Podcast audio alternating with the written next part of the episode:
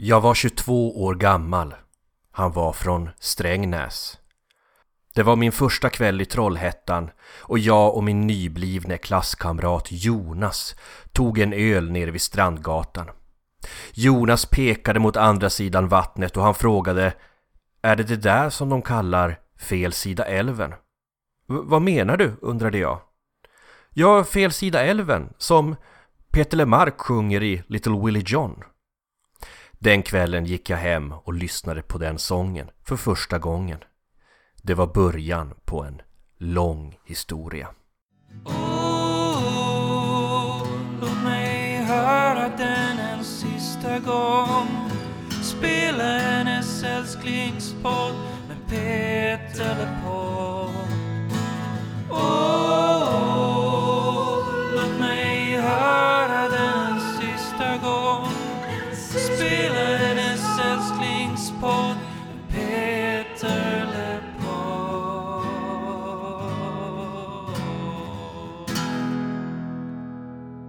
Välkommen hem! Det här avsnittet med mig, Tony, Och med Emil. är sida B. Det är alltså fortsättningen på ett avsnitt vi påbörjade i förra veckan. Vi pratar alltså om Peter Marks album Sången de spelar när filmen är slut. Det går att lyssna på de här två avsnitten i vilken ordning som helst tror jag. Är det så att man hatar låtarna på sida A på Sången de spelar när filmen är slut Evelina Båten över Orka sången och spelar ännu Ja. en gång. Ja. Och man kanske bara vill höra snacket om Drivved, Little Willie John, ja men då kan man börja här. Men om det är så att man känner att man vill liksom vara med från början av det här albumet, lyssna på det förra först. Finns det några skivor där du, när du tar, tar upp den, ska lägga på den på skivtallriken, att du lockas att ja, men jag drar B-sidan först? Eh, ja, Bob Dylans Knocked Out Loaded, du suckar. Vi är två minuter in i avsnittet och jag har redan gjort dig besviken. B-sidan är svinbra. A-sidan är kass. De där kvällarna när första glaset vin är upphällt och du tar fram Välkommen hem. Eftersom du i det avsnittet nämnde att du tycker om B-sidan så mycket mer än första, Mm. än A-sidan. Hur funkar du där? Kör du bara B-sidan eller kör du hela albumet? Nej, då kör jag nog hela albumet för att jag tycker om att åka på den resa som det innebär att åka genom från A till B. Och jag tycker i synnerhet fan när det kommer till Peter Lemark. Mm. Han är en artist som är ganska mån om hur man sätter upp Mm. en A och en B-sida, att det finns en dramaturgi. Han vill att B-sidan ska börja med en stark låt för att du ska liksom det är en ny akt som börjar, det är en stark start. Han vill att det ska finnas... Om man nu är så mån om det.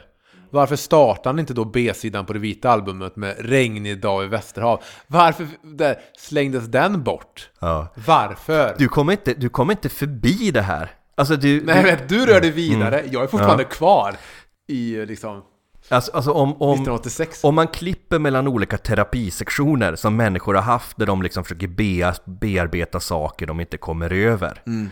Liksom spruckna förhållanden, eh, relationer till pappor. Och så klipper man in i din terapisession med Inge Johansson och du säger Men varför tog han inte med regn idag i Västerhav på den vita skivan? Jag tycker det, ja, ja, ja. Nej men du vet, vad säger det? Time is a flat circle. Ska vi göra som så att eh, utan att spela för mycket tid eh, så ska vi gå in på första låten på sida B av sången de spelar. Ja, du menar då någon som du. Mm. Ett ord. Titeln är knepig för att, som Peter själv säger, Mauro Scocca hade släppt en låt med samma titel. Men korrekt då, stavat och med mellanrum mellan orden. Därför blev den konstig. Här försöker Peter att beskriva ren och skär glädje, eufori. Och det tycker han är generellt sett med låtskrivaren då, och det håller väl de flesta med om kanske, är svårare än att skriva om svartsjuka och saknad och så. Och det är det väl. Vem vill höra någon glad? Det är ofta det som drar ner artister senare i sin, sin karriär. De är unga, de är arga, de har någonting att säga. De har eh, kanske, du vet, precis fått uppleva det där första uppbrottet eller hur, verkligen, hur hjärtat bara krossas av någon. Och då skriver till exempel Eddie Vedder i bandet Pearl Jam en låt som Black, som är den, den bästa låten om eh, kärleken som har varit, som inte längre är, som är förstörd. Men sen blir man lite mer så här, man vill skriva lite om sina barn. Man vill skriva lite om man ändå varit lycklig gift i 10-15 år och sådär. Och då, det blir svårare att få, att få det där verkligen glöda. Det, där håller jag med Peter. Det är svårare att hitta orden som utmålar det, liksom det positiva och glada utan att det blir platt. Men det innebär ju också att de som väl lyckas med att göra en glad låt, en, en, en låt om glädje och eufori och göra dem bra, att det blir någonting extra. Jag tänker på en låt av Jackie Wilson som heter Higher and Higher som säkert skulle hamna relativt högt på en, en världens bästa låtarlista för mig. Så är det en låt som kommer ur eufori och den här glädjen kanske är, är väl något som brukar lite orättvist kallas för banalt för det är ju inte så att smärta automatiskt betyder djup. Bara Nej. för att man mår skit så behöver det inte betyda att man har någonting viktigt att säga. Nej, men på något sätt är det enklare att hooka tag i det här. Att det går, går in mer även när det är enklare. Men när vi pratar om den här låten, Någon som du. För du nämnde, nu minns jag inte exakt hur du uttryckte det, men du nämnde i förra avsnittet om, om ditt öppna fönster att det var en fillerlåt. Att Peter själv verkar ha sagt att det var en, en fillerlåt. Inte filler, men att det var en mer tillbakalutad låt. Alltså att det var en mer en, en, snabbt producerad historia. Okej, för det tycker jag i så fall den här känns som. Det här tycker jag nog är det spåret på skivan som jag hade haft, som jag kanske hade röstat bort från Expedition Robinson-ön först. Om, jag, om jag var tvungen att välja. För att det blir lite, jag tycker den känns lite glättig. Nej men jag gillar det här med att han, han faktiskt pratar om hur gött det är att älska någon länge. Alltså sitta med, det är fint med så barnen som leker och de ligger nakna ute i gräset igen. Jo, men rummet, kan, jag tror det också kanske. kan ha med liksom tempot och tonen i låten som gör att det för mig blir lite... Ja, kan det vara så? Jag vet att när vi pratade om det vita albumet så pratade vi om eh, Väntar det mirakel och jag sa att han lät lite mallig Mm. i den låten när han skulle hem till sin älskande som låg och väntade i sängen. Och eh, jag vet inte om mallig var rätt ord, men självbelåten var nog mer korrekt kanske att använda. Och här finns det också något sånt här, du vet, allt är så bra nu, ja, Nej men jag tror att det här är också något som behövs balansen. Det är ju som min, min kära sambo och fästmö sa när vi pratade om sida A. Ehm, att ja, men så här, man måste prata om liksom det, det ljuvliga och det fina också i en sån här relation. Och det gör han ju här. Det här tycker jag är ju nästan välbekanta trakter från Regnig dag vid Västerhav. Om jag bara får leva en enda sekund, låt det vara just här och nu, i just, i just denna stund. Barnen leker på trappan under himmelbar. Vi ligger lugna i gräset, du är naken och underbar. Jag vill gråta av lycka, det här är vad livet går ut på. Strunt i vad andra må tycka. Och just det, strunt i vad andra må tycka, jo fan, det kanske går att bedöma det här som att Var inte så glad din jävel och vad töntig du är som gör en sån här låt. Men strunt i vad de tycker, vi har det jävligt fint här nu. Om det du läste precis, för jag strök nämligen under det här.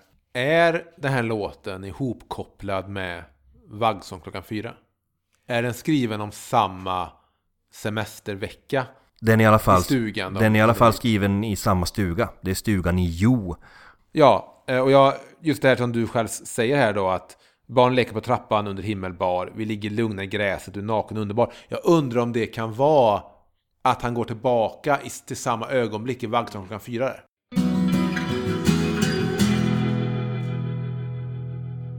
Eh, Andra låten på B-sidan. Är det därför jag älskar dig så? Det här är en låt som jag lustigt nog tror inte är så väl ihågkommen. Trots att det var en singel. Mm.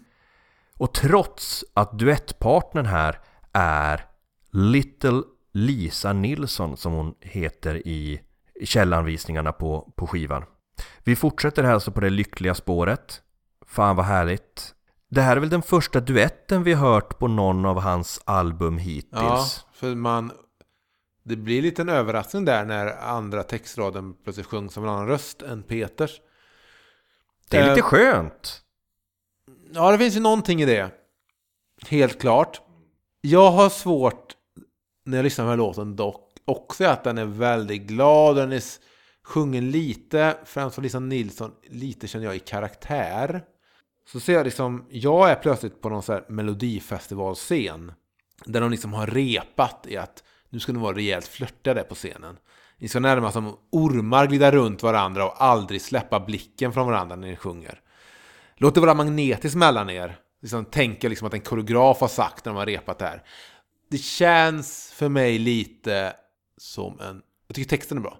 Men det känns lite som en produkt. Och när du då, som du nämnde i förra avsnittet, att de hade testat den innan, den jazzsångerskan innan, eh, Nanny Porres. Mm. Kan det vara rätt uttalat? Peter Smoljanskis morsa. Mm. Ja, som eh, av någon anledning då inte riktigt funkar med låten, eller man testade att ta in Lisa Nilsson då innan, då, en Lisa Nilsson som inte hade breakat den.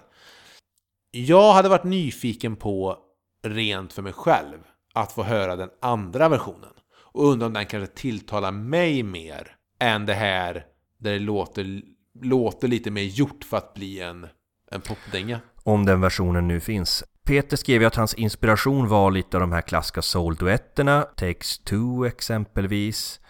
Marvin Gaye-låten. Jag gillar dels att, att Lisa Nilsson, som är så pass, var, inte hade varit ung här, inte hade slagit igenom. Och det här var ju innan hon fick låten Handens fem fingrar av Peter. Som vi sen kommer prata om på 17 sånger. Jag tycker Lisa Nilsson sjunger skit under den här låten. Jag tycker de har ett ganska roligt samspel.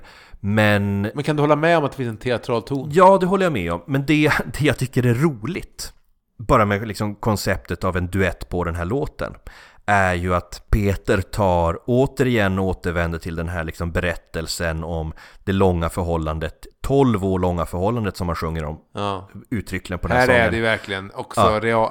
och att, och här är att, dispensrealism. ja, och att Lisa Nilsson då på något sätt får ta rollen av Monica. Eller berättar jagets Monica liksom. Förstår du vad jag menar? För det här måste ju att vara hon- skrivet 1990, Mm. 12 år bak, då är det 78, när, när han och Monica träffades då på en spelning i Trollhättan.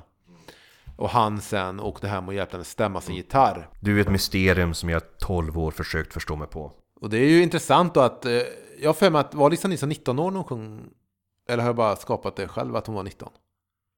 Jag vet inte, men, men vi kan säga att hon var 19. Låt oss säga att hon var 19, Ja, det behöver, inte- äh, man ska inte förstöra en bra historia med sanningen precis. ibland. Så 19-åriga Li- Lisa, Lisa Nilsson kommer till studion och sådär. Nu ska vi sjunga om vår 12-åriga relation. ja. Och vi ska sjunga lite som att det är ett musikalnummer i en Disney-film. Men jag gillar textraden mot slutet där de sjunger eh, Vi dansar i Amsterdam till ett dragspel, jag hörde en. För det tror jag säkert har inträffat. Mm. Det där är ju ett, ett fotografi från en resa med Monica och Peter. Jag minns alla vaknätter, alla gräl i vår återvändsgränd. Där har vi tandkrämstubsbråks. Mm. Jag kommer aldrig få bråka med någon. Om de här Men det kommer du få göra! Alltså när den här tjejen där ute som lyssnar och som har ett exemplar över av sången de spelar. Kanske signerad, Signerad, av Peter från den tiden. Ja, och hon bara så här, men eh, när hon skickar det här DMet Ja. på vår Instagram. Hon slidar in i våra DM Ja, och bara säger. så du Emil, eh, jag har ett exemplar över, kom hit och ta en fika. Och rätt som Ja, det är sen kom jag dit, jag kom jag dit, jag knackar på, hon öppnar och bara Ja jävlar, jag trodde du var killen till vänster på eran, eran podcastbild. Jävlar, nej, var det du? Du är killen med dreads! Ja, fy fan. Nej men jag tycker det är roligt med, med den här låten att Ja men det är så roligt hur Peter, eh, han är ju en bra låtsnickrare, han är bra på att Mm. göra, göra pastischer på olika sorters låtar. Här, ta- här tar han ju verkligen en klassisk soul-duett som brukar handla om den här tonårskärleken Mm. liksom. Och så får han den att handla om, ja men det som Peter Lemarks låtar brukar handla om, den här långa relationer. Mm. Det är rätt roligt att han liksom får de två världarna att mötas. Mm. Alltså så här, hur många sådana här lyckofyllda, euforiska, sprudlande soulduetter har tidigare sjungit om Jag minns alla vaknätter, alla Ja. gräl i en återvändsgränd. Det har ju aldrig gjorts Lisa tidigare. Nilsson förstod inte alls vad det var hon sjöng. Nej. Det var ju grekiska för henne. Ja. Vad fan är det här? Vad vaknätter? Ja, Ja, det är men när man varit uppe och festat hela natten jag känner ändå att när han släppte ändå den här skivan i starkare än ordboxen och sen nu på Spotify med extra-låtar. Jag, jag tänker, jag försöker hitta ett exempel, men jag tänker, det enda jag kommer på är ju... Ja, Per Gessle gjorde ju ihop med Winnerbäck den här Småstadsprat, singeln, som, Som- Jag gjorde, ja, som jag gjorde musik. Det är lite jag tror, men det enda jag kommer på. Men Du har gjort en musikvideo till Per Gessle och Lars Winnerbäck. Ja. Låt det vara sagt och var stolt ja. över det. Och jag minns än idag att hon och du sa det här är det bästa du gjort, Emil. Mm. Har du ännu skrytit om att du likt Peter har varit nominerad till en Grammis? Skillnaden är att han har vunnit. Ja, precis. Nej, jag vann inte. Nej. Eh, har jag nämnt att jag gjorde bort mig när jag pratade med Veronica Maggio på efterfesten på Gamla Inte i podden. Nej, jag har inte gjort det. Det kanske kommer någon gång. Men, jo men hur som helst. Han gjorde en singel, Per Gessler och jag gjorde musikvideon. Han gjorde en singel ihop med Lars Winnerbäck som heter Småstadsprat. Och sen släppte han ju en engelsk version. Där istället för Winnerbäck var det ju Nick Lowe som sjöng. Och bara den grejen. Jag hade velat höra den här versionen av låten. Men med då hon eh, Nanny Perez Mm. sång. Och det kan vara som du säger att den versionen inte finns. Men det här var... Det är alltid kul att höra alternativa Ja, jag fattar. tagningar. Mm.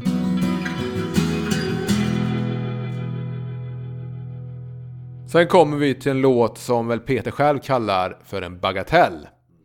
Men som han skriver, han är svag för dessa till synes banala små sånger. Och det får man ju respektera.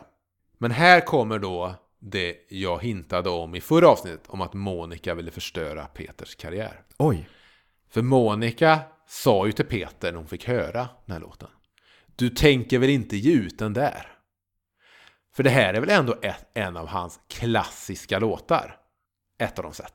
Eh, Det skulle jag vilja påstå. Jag skulle säga att den här skivan på sida B bygger upp nu tre av hans absolut mest kända Ja. låtar. Men Det då här- fick inte Monica stoppa där. Säger hon inte att, att han själv säger att det låter som dansband? Ja, Eller och det är ju man- till och med flera dansbandsorkestrar som har gjort cover på den här. Mats Blads exempelvis har gjort den här. Det här är ju en bagatell som han säger. Det är ju... Alltså bagatell som i, inte, inte kanske liksom kvalitetsmässigt av låten, men den sortens popbagatell om man så säger. Men den innehåller en av de faktiskt eh, de textrader av Peter som jag tycker är en av de starkaste. Jaha. Eller bästa. Och de, den kan jag nu läsa då för dig Tony. Mm. Mot slutet av låten. När vi blir gamla och kanske glömda ger jag dig de ögonblick jag sparat på. Alltså alla de ögonblick han gett exempel på dittills i låten. Detta blir ett av de sätt jag åter på. Det tycker jag är fint. Att spara ett liv av ögonblick för att kunna bara ge dem Ja. till någon. Det får man ju ändå säga att med tanke på att det här är ett, snart 30 år sedan den här skivan släpptes. Peter och, och hans älskare är ju nu gamla. Och har förhoppningsvis ett gäng ögonblick. Ja. Som han nu kan komma med en liten scrapbook till henne. Tänk om det är det där. Tänk om han har gjort, han har suttit, han har gjort en scrapbook. Han har liksom suttit med limstift och sax. Och gjort, Man har gått till Panduro och köpt något litet starterkit med olika färgglada paletter och dylikt. mycket glitter och sådär Mm. på sidorna. Tankarna för mig på den här låten går ju till, förr, till Välkommen hems, ett troget hjärta. Alltså det är ju, Den jag tyckte var för, för skriven till Ja. mammor. men den här är ju lite mer renodlad, ännu mer sockersött pop. Peter själv nämner ju inspirationskällorna, exempelvis Buddy Holly. Ja. Det jag tycker är kul är ju att han har ja, men, gjort det här, jobbat med det här profana igen. Att han har eh, liksom blandat den här sortens, om man säger då Buddy Holly-melodi. Mm. Eh, väldigt fina, söta, marmeladiga melodi. Och det är ganska mycket sex i texten. Jag är ledsen, Ann-Kristin från Örnsköldsvik. Men det är ju en del sex i den här texten. Halspulsen hamrar, hjärtat slår. Små, små vågor då och då. För att hålla kvar dem och komma ihåg räknar jag sätten jag åtrår dig på. Så vill jag ändå bara ta in den, den versen. När du just somnat och ligger sårbar vilar jag min panna mellan dina lår. Detta är ett av de sätt jag åtrår dig på. Jag tror att innan varje gång han sjunger detta så är det en ny så är det en ny, Ny sak han räknar upp, det han sparar. I du, du, du, Jo, du, läser lite som en, en lång vers. Men det gör inte jag. Alltså halspull, hamrar, hjärtat slår, små små vågor då och då. Det, det kan också referera till sex, det säger jag inte. Men jag tror inte det Enbart är det. enbart det var ett specifikt ögonblick. Och sen när Kanske du sant. somnat och ligger sårbar vill jag min panna mellan dina lår. Det, skulle, det kan också vara efter sex, det säger jag ingenting om. Men jag, ja, mycket möjligt. Men du menar helt enkelt, om vi binder ihop det du sa här tidigare, vilket är en ganska grov anklagelse, att Monica vill förstöra Peters karriär. När, han sa till, när hon sa till honom, det här låter ju som dansband, det här kan du inte ge ut. Eller ville och ville, hon vill väl det bästa för Peter? Hon ville Peters bästa. Men hon var ju nära att stoppa världen från att få den här låten. Men menar du att konsekvensen av att inte ge ut den här låten hade varit att Peter kanske inte hade, du vet, hamnat på Cirkus och, och Konserthuset i Göteborg? Jag vet inte hur stor påverkan det har haft. Hade den här skivan sålt över 100 000 exemplar? Om det inte vore för ett av de sätt. Jag säger så här, många bäckar små. Jag blir dock nyfiken nu på om det finns andra tillfällen där folk runt omkring Peter, om det är så Tony Thorén eller Monica eller någon på MMV eller vad det kan vara, om de har fått honom att korrigera ofta, alltså, låtlistan på skivorna. Om det kan vara så att någon låt, vi säger ja, En regnig dag i Västerhav, en regnig dag i Västerhav, att den inte kom med, att det kan ha varit här, men den har vi testat, den funkar inte som singel. Tänk om Peter, ta bort den. Mm. Och det kan vara så att Peter kanske slogs, men fan det är en jävligt bra låt. Jag ska bygga oss en stuga av ädlaste fur. Ja, ja, ja vi har hört det där. Eller vi har inte hört det rättare sagt, för den spelas aldrig på radio Peter. Mm. Bort med den. Medan Emil ehm, tvångsmässigt funderar på varför Regnig dag i Västerhav inte kom med på den vita plattan, en skiva vi diskuterade för fem avsnitt sedan, så tänker jag, så vill jag bara avsluta och, och säga om ett av de sätt att jag vill minnas att Anna-Lotta Larsson har gjort en cover på den här låten som min pappa har spelat i bilen när jag var barn tillsammans med andra Peter Lemark-covers av Anna-Lotta Larsson. Men den verkar inte finnas. Jag har inte hittat några som helst bevis för att den Anna-Lotta Larsson-covern på ett av de sätt existerar. Okej, så då minns du inte om hon också sjöng När du ju somnat och ligger Mm. sårbar vilar jag min panna dina lår. Det var det jag ville kolla. Eller om hon bara säger det där justerar vi Ja, och Mats Blads orkesterversion, Ja. alltså den här dansbandsversionen menar jag, förlåt. Ja. Eh, Så, så eh, jag lyssnade på den, Ja. jag tog den kulan eh, för att se ifall de håller kvar den textraden. För det är Mm. kanske ett... Vi, det är inte alla dansband som skulle våga sjunga den Nej. texten, men de gör det. Kan det vara för att det egentligen är mer oskyldigt än vad du vill Så förespråka? kan det vara. Och Så att de, det vara. de ser det väldigt tydligt. Ja, och att de inte har samma förstörda blick på världen som jag har. Ja, precis. Vi går vidare på gråt! Utropstecken. Vad har Mm. du att säga? Ja, men jag kan ju börja då med att säga det som Peter sagt. Att det var en titel, gråt utropstecken, som fanns i hans pärm. Den här pärmen han har med sköna titlar som han ibland går och bläddrar i för att hitta inspiration till en ny låt. Han hade läst en artikel i Expressen. Av, det visar sig då att, undrar om Peter väljer Expressen för Aftonbladet eller om det bara råkar vara en Expressen. Han läste en artikel skriven av Peter Englund om gråtens historia. Hur det en gång har varit så att män då skulle gråta ur, ur sin sorg. Och då skrev han den här låten. Jag har skrivit här nu, men nu kan jag inte säga. Jag har skrivit blues-desperation. Men det är, är det Jo, blues, det är det. så? Det är just blues och desperation. Och, eller blues, det är ju Det visar soul hur också. osäker jag är på musik. När jag lyssnar på den här skivan, så måste jag ändå sitta där och försöka få din bekräftelse på... Alltså kan man räkna det här till blues eller? är det? Eh, Peter hade inför han skrev den här låten lyssnat mycket på soul från 70 och 80-talet. Mm. Så det är väl det han var inspirerad av. Den här låten får ju mig att tänka på en blueslåt, eller det är väl blues soul. Eh, Blood, Sweat and Tears låt I Love You More Than You'll Ever Know. Mm. Peter var inte inspirerad av den låten vet jag, när han skrev den här. Den innehåller det där, du vet, lite smutsiga mörkret som jag gillar. Jag tycker det här är en underbar låt. ehm, som har sin plats på skivan. Det är ju något jävligt coolt att när, liksom, när alla andra manliga rockmusiker snackar om att så här, supa bort sin hjärtesorg Ja. så gör Peter låtar om att killar kan få gråta.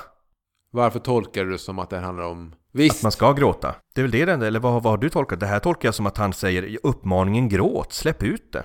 ja, men jag ser det som att han lika gärna kan hålla om, hålla om en kvinna. Jo, jo, men jag säger, jag säger okej, förlåt, du missförstod mig. Jag menar inte att orsaken till att gråten är, är på grund av en tjej. Alltså killar kan ju gråta av andra orsaker än Ja. att en tjej har gjort dem illa. Faktiskt. Jo, no, Man men jag tror du missförstår mig. Ens hockeylag Jag tror, det här blir, eller jag något. tror det här blir någon sån inception av missförstånd. Okej. Jag menar att det här kan ju handla om att han uppmanar en kvinna att gråta. Jag ser framför mig någon hålla om någon och säga bara gråt, bara få ut det. Vi- Bara för att de lyssnare då som inte kommer ihåg gråt. Så jag kan väl bara läsa en vers så, så vi sätter i kontext. Vad har du varit med om? Vad är det som har hänt? Hela du är stel av rimfrost. Ditt ansikte är spänt. Du kan inte bära det inom dig länge till. Du kan inte tysta det, hur gärna du än vill. Där vill jag säga en sak. Eh, när jag, jag sitter inte med boken som du gör nu, utan jag läste texten på nätet. Och den här textraden, du kan inte tysta det hur gärna du än vill, som du läste. Jag är rätt säker på att han sjunger, för jag ändrade, att han sjunger du kan inte stoppa. Så vart har det tysta kommit ifrån? Jag undrar om det kommer från hans, kanske texten på skivan eller någonting. Men att han i låten sjunger du kan inte stoppa. Ska vi lyssna på det och ta reda på det?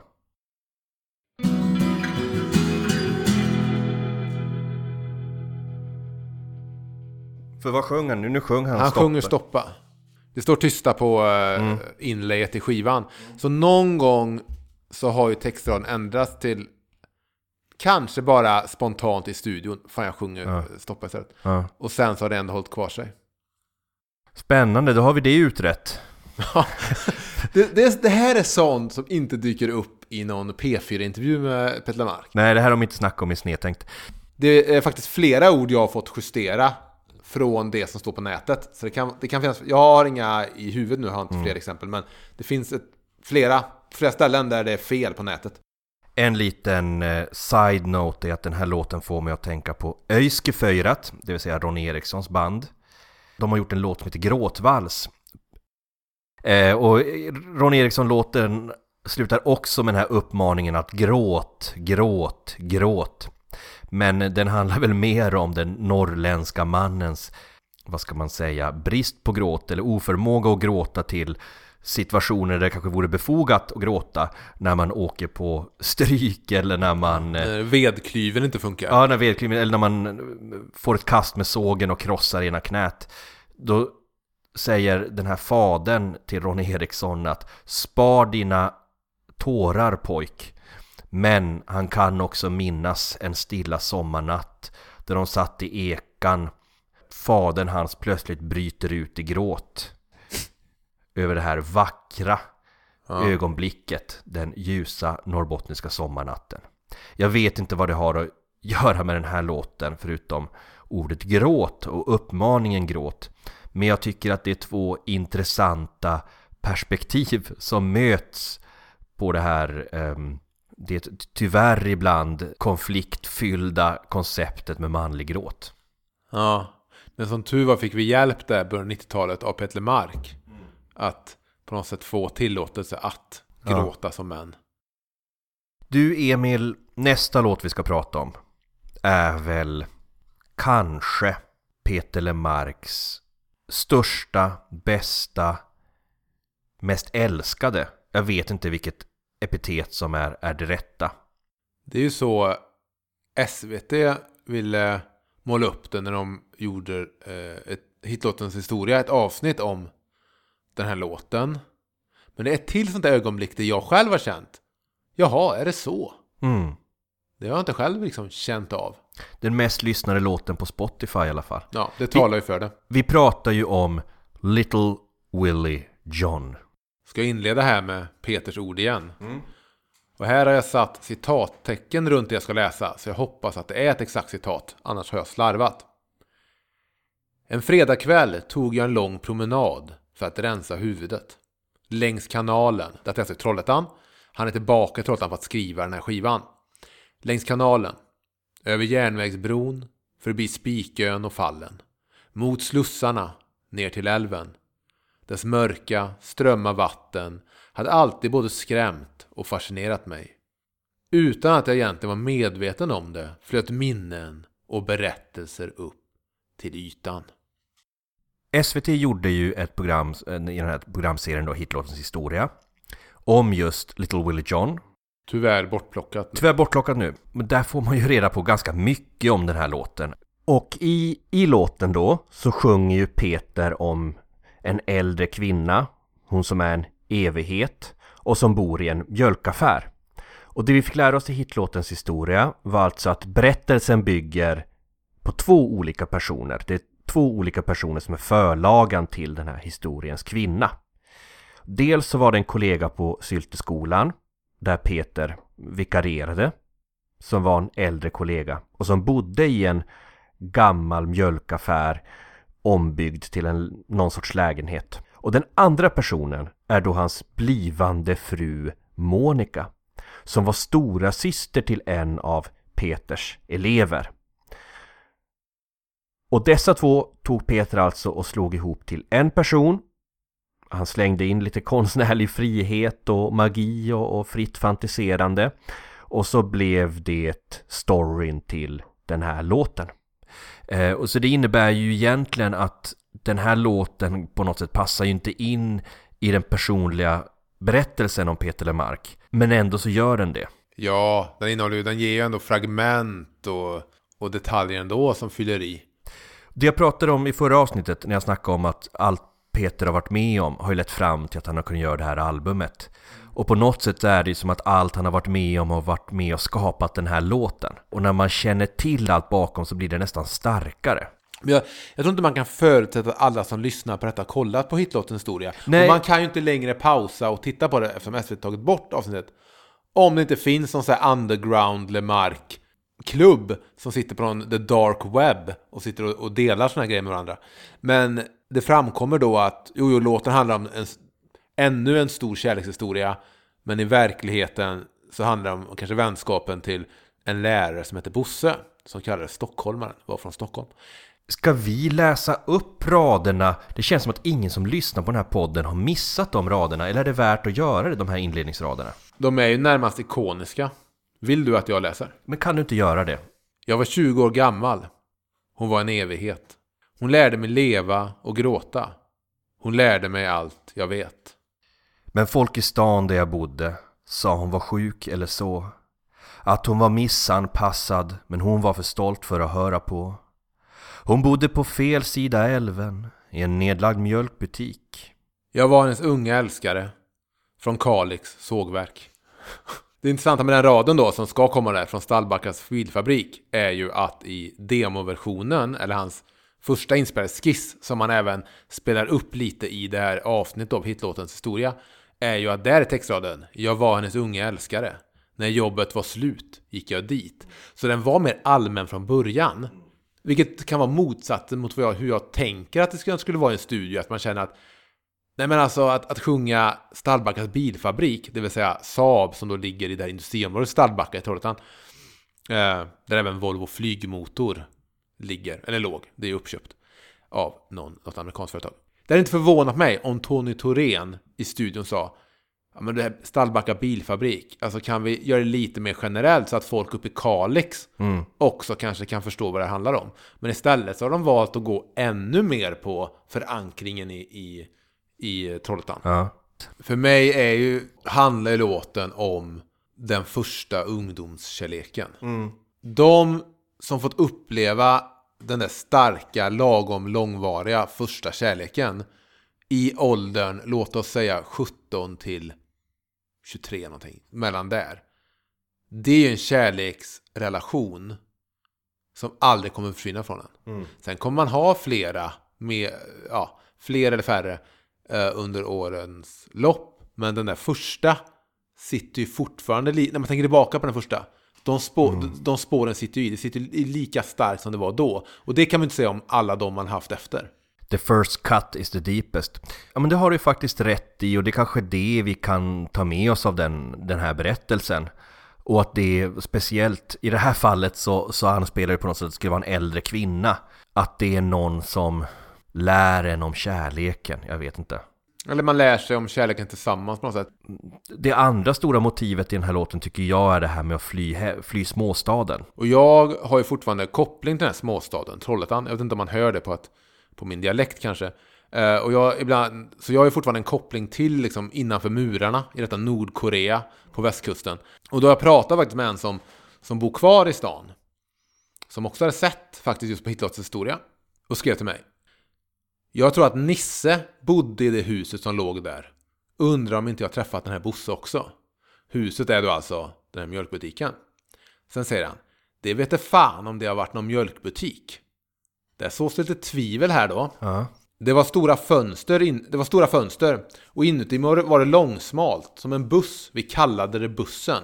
Ja, Nisse, den här kompisen då, fick den lägenheten lite plötsligt. Så det kan ju stämma med att det var vid den här bo- eh, personen Bosses försvinnande då. Peter pratade om att Bosse plötsligt försvann från staden, som bodde i den här mjölkbutiken. Utan ett ord var han borta. Ja. Och sen kommer det lite om att Nisse var en vän från ledet. Jag vet inte varför man måste... Bor man från Trollhättan kanske man måste precis poängtera att den här personen var från det ledet. Men han flyttade, ut, han flyttade den andra stora utflyttningen av intressanta och kreativa från Trollhättan. Under första halvan av 80-talet stack flera till Göteborg. Där kan man säga att Fransson var en av de här. Den första utvandringen var efter 75. Då var det Stockholm som gällde till stor del. Ja, så då försvann den här Nisse då från staden. Kanske att han lämnade ett tomt kuvert efter sig också. Och då tog jag kontakt med Nisse. För jag blev intresserad av, är, snackar de om samma lokal? Det är sant. Och jag vet inte om det kallas, eh, även när Bosse bodde där, att de kallade det bussen. Men det låter onekligen likt de stora fönstren i det lilla rummet. I kvarteret Ceres. I kvarteret Ceres. Så frågade jag den här Nisse då dels, var en mjölkbutik? Och även om, om det, den låg där i kvarteret Ceres. Nära stationen, nära biblioteket trots allt. Och han svarade dock, vad jag hörde då var att det var någon typ av sömmerska som hade haft butikverkstad där. Men det kan ha varit många typer av verksamhet. Vardagsrummet hade två stora skyltfönster, ganska udda. Jag undrar om det är, dels undrar jag om det är samma lokal eller om det är ett, ett kvarter ifrån som också hade en sån här butik. Och sen så kan det ju ha varit en mjölkbutik. Men det är inte helt säkert att det var mjölkbutik. Men det är nästan ett scoop. Det är nästan en scoop. Den här informationen borde ju kommit fram Ja. när, när SVT åker till Trollhättan för att göra hitlottens Tror du att SVT har tystat det här? För att det inte ska komma fram att mjölkbutiken aldrig var en mjölkbutik. Fan, det var en sömmerska som bodde där. Ja, och sen också var det också, eftersom vi nämnde Spiken i början då, att han gick runt på Spiken. Det är en långsmal ö i kanalen Trollhättan. Eh, Det är alltså en, en ö där idag finns en lekpark, men inte mycket mer, tyvärr.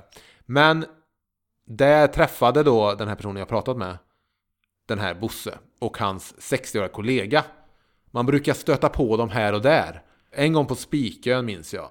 Där satt vi och drack öl och diskuterade diverse djupa ämnen. För det var det man gjorde på 70-talet förstår du Tony. Då satt man och diskuterade djupa ämnen över öl. Till skillnad från det vi pratar om. Enda gången vi kommer in på djupa samtal är när Lemark dyker upp i samtalen. Så det, jag vet inte om det var ett scoop, men det är i alla fall någonting om att har det varit en mjölkbutik eller inte? Lemark har ju hört då att, klart att det var en mjölkbutik på den tiden, men personen som kanske bodde i butiken efter hade hört att det var en sömmerska och hade inte hört att det hade varit en mjölkbutik. En av mina tidigaste interaktioner på sociala medier med Peter Lemark var när jag anmärkte på att, men vänta lite grann, om mjölkbutiken låg på Kungsgatan och han är från Stallbacka bilfabrik, då ligger ju mjölkbutiken på samma sida älven som han själv bor på, eller vistas på. Så om man säger hon bodde på fel sida älven, så är det ju samma sida älv. Och jag väntar på att det här ska dyka upp, för att det du säger håller inte ihop. Vadå då? Hon bodde på fel sida älven kan, kan ju handla om att hon bodde på fel sida älven i relation till vart han bodde. Ja. Inte vart han jobbade just där. Det kan också handla om att han bo, hon bodde på fel sida älven som att hon bodde i de fattiga kvarteren där borta där det var mycket stök.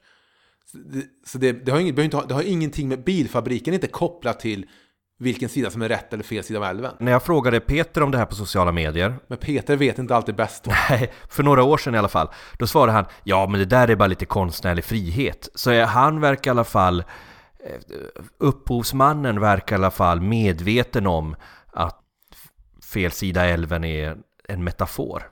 För jag har hört när jag pratar med folk, att säga, men fel sida älven, det är när man bor på, på Strömslundssidan.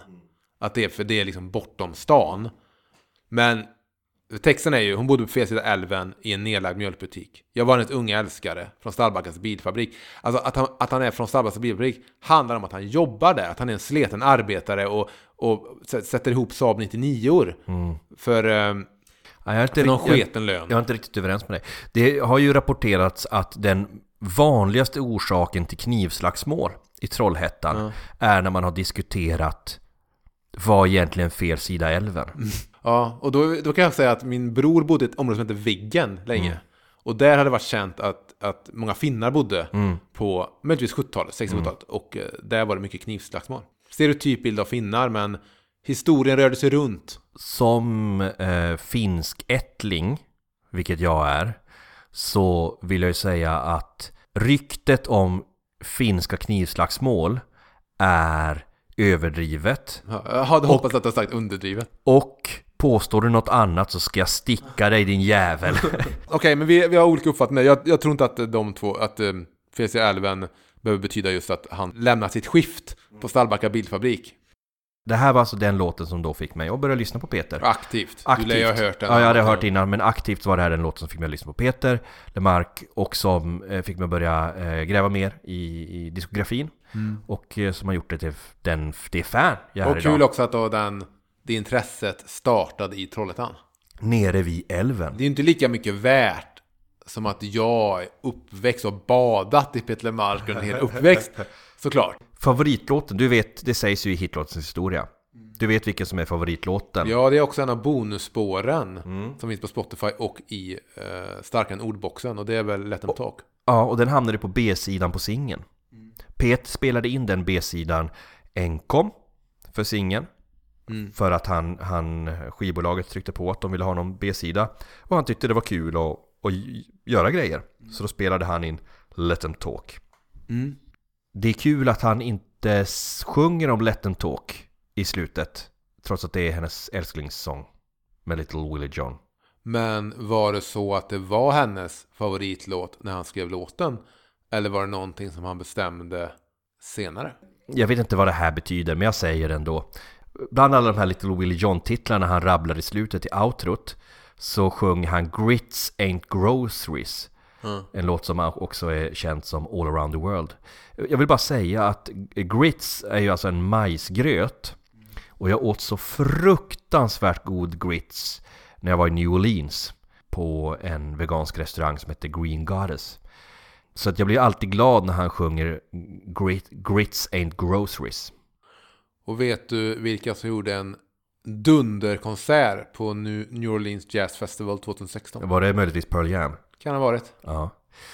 Grym version av The Who's The Real Me. Av alla artister som uppträder i New Orleans är det Pearl Jam Emil tar med sig. Skulle du, kunna, skulle du vilja se Peter åka som någon sorts Jill Johnson till New Orleans och spela in en, en skiva?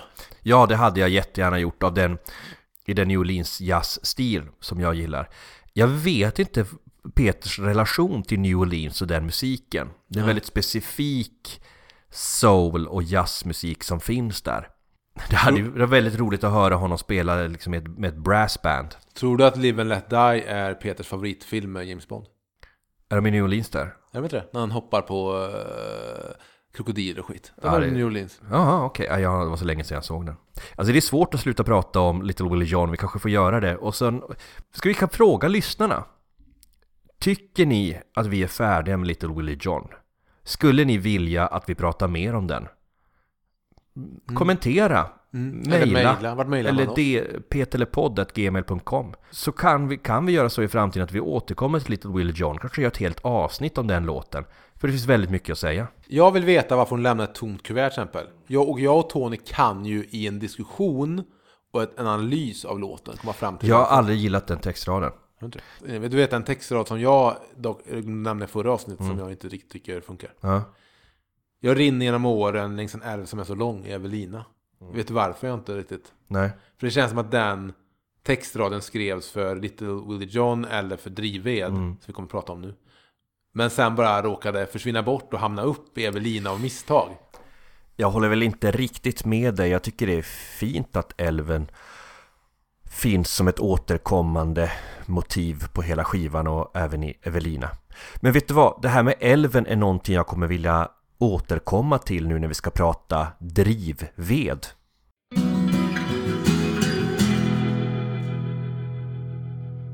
Och Drivved är ju också en av Peters alla väldigt älskade låtar. Jag tror många kan känna igen sig i. Som har en, en son eller som har en far. Den här låten kom då av att Peter hade fått två väskor kvarlämnade efter sin egen far. Och de var då fyllda med foton och dagböcker. De var alltså fyllda med faderns liv. Och han fann i de här fotona och dagböckerna och när han förstod hans fars uppväxt och vad hans far hade gjort i sitt liv att det fanns en koppling till sin fars ro- rotlöshet och rastlöshet. Det är något vi pratade om i förra avsnittet. Och det här är ännu en då, likt Little Willie John, det är två låtar i rad som är väldigt mycket eh, berättelse från Trollhättan. Och berättar om Trollhättan. Den startar med I stan där jag är född finns ett torg och en kiosk. Det här torget pratar vi om i, i det vita albumet, i det avsnittet. Om hur Trollhättan nu har rivit det här torget han sjunger om, hela busstorget. Och byggt något mer stalinistiskt. Som inte är så fint. Och en kiosk. De här, den här kiosken är också riven då. Men inga statyer av Peter. En Än. kan komma. Och där finns också en kullerstensgata, det borde vara Storgatan. Och älven förstås. Och människor som trampar till en skitig fabrik. Kan vara Nohab, men det är väl troligtvis Saab den här tiden. Den ena dagen är den andra lik. Och min pappa är död sedan i våras. Här kommer det temat tillbaka då om dödens närvaro. Han skrev inte ens vart han for. Men han kommer om natten på en månstråle. Det magiska igen som finns i månen. Rätt in genom fönstret till pojkrummet där jag bor. Pappan är närvarande. Trots döden. Ja, det är en väldigt fin låt. Jag gillar ju form. Jag tycker det är snyggt. Hur låten börjar i någon sorts, det är någon sorts tredjepersonstilltal. Det är i refrängen. Han säger, du och jag vi har samma sak. Pappan säger till Peter. Men nästa gång refrängen återkommer så är det jag viskar, du och jag. Samma refräng men han pratar nu till sonen, till sin egen son. Jag tycker det är en väldigt, väldigt snygg, snygg och genomtänkt låt.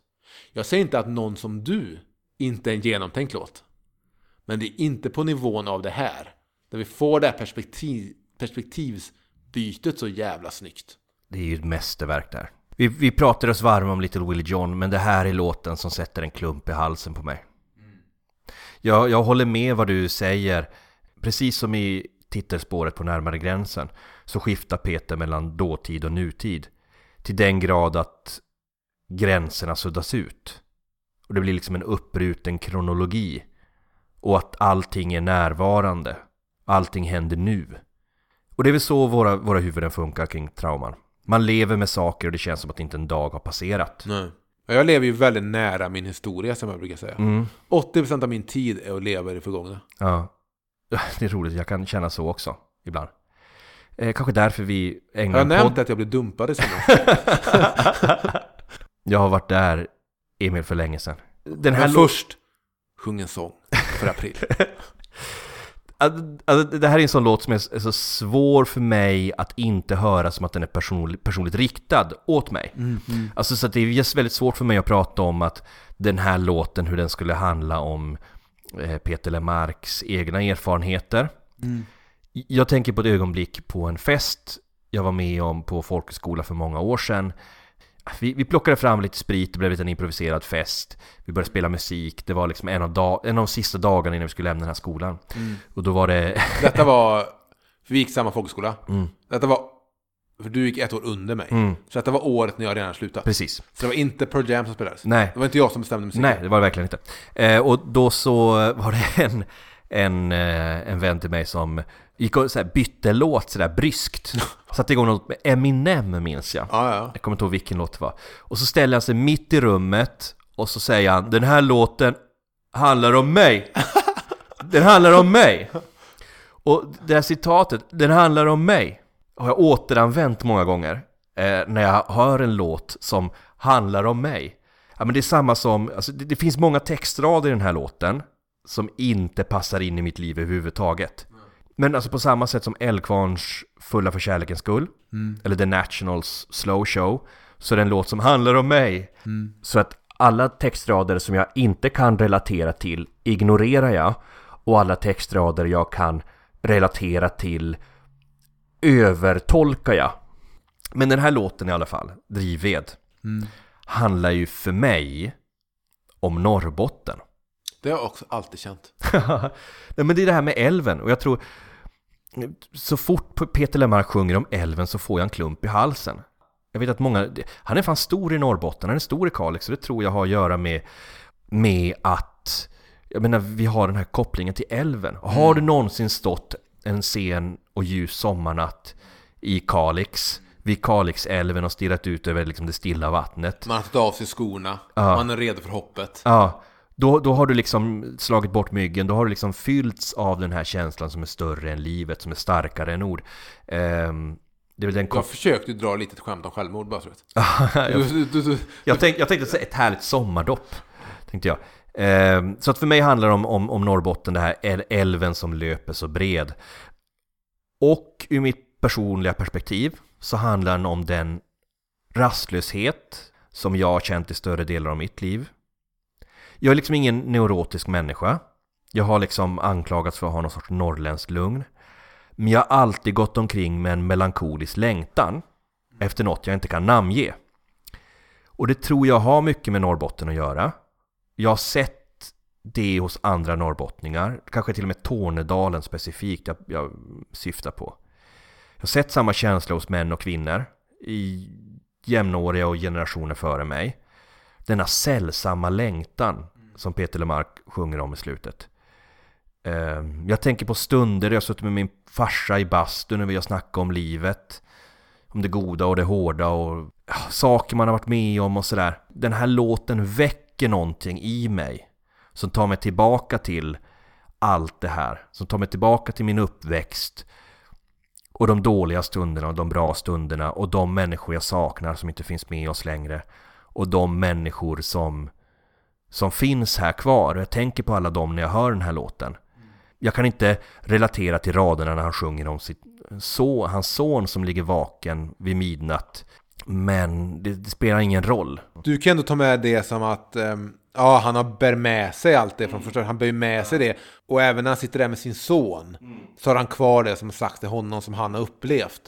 Du och jag, vi är av samma sort. Var vi än är längtar vi alltid bort. Om livet är älven som löper så bred, då är du och jag drivved. Och det finns också de här texterna mot slutet som jag tycker eh, eh säger mycket om i alla fall min syn på saker som klassperspektiv. Att eh, det finns två sorters människor här i världen. De som får stjärnhimlen när de begär den. Och som med självklarhet tar för sig var dag. Så finns det de som får slåss för varje andetag.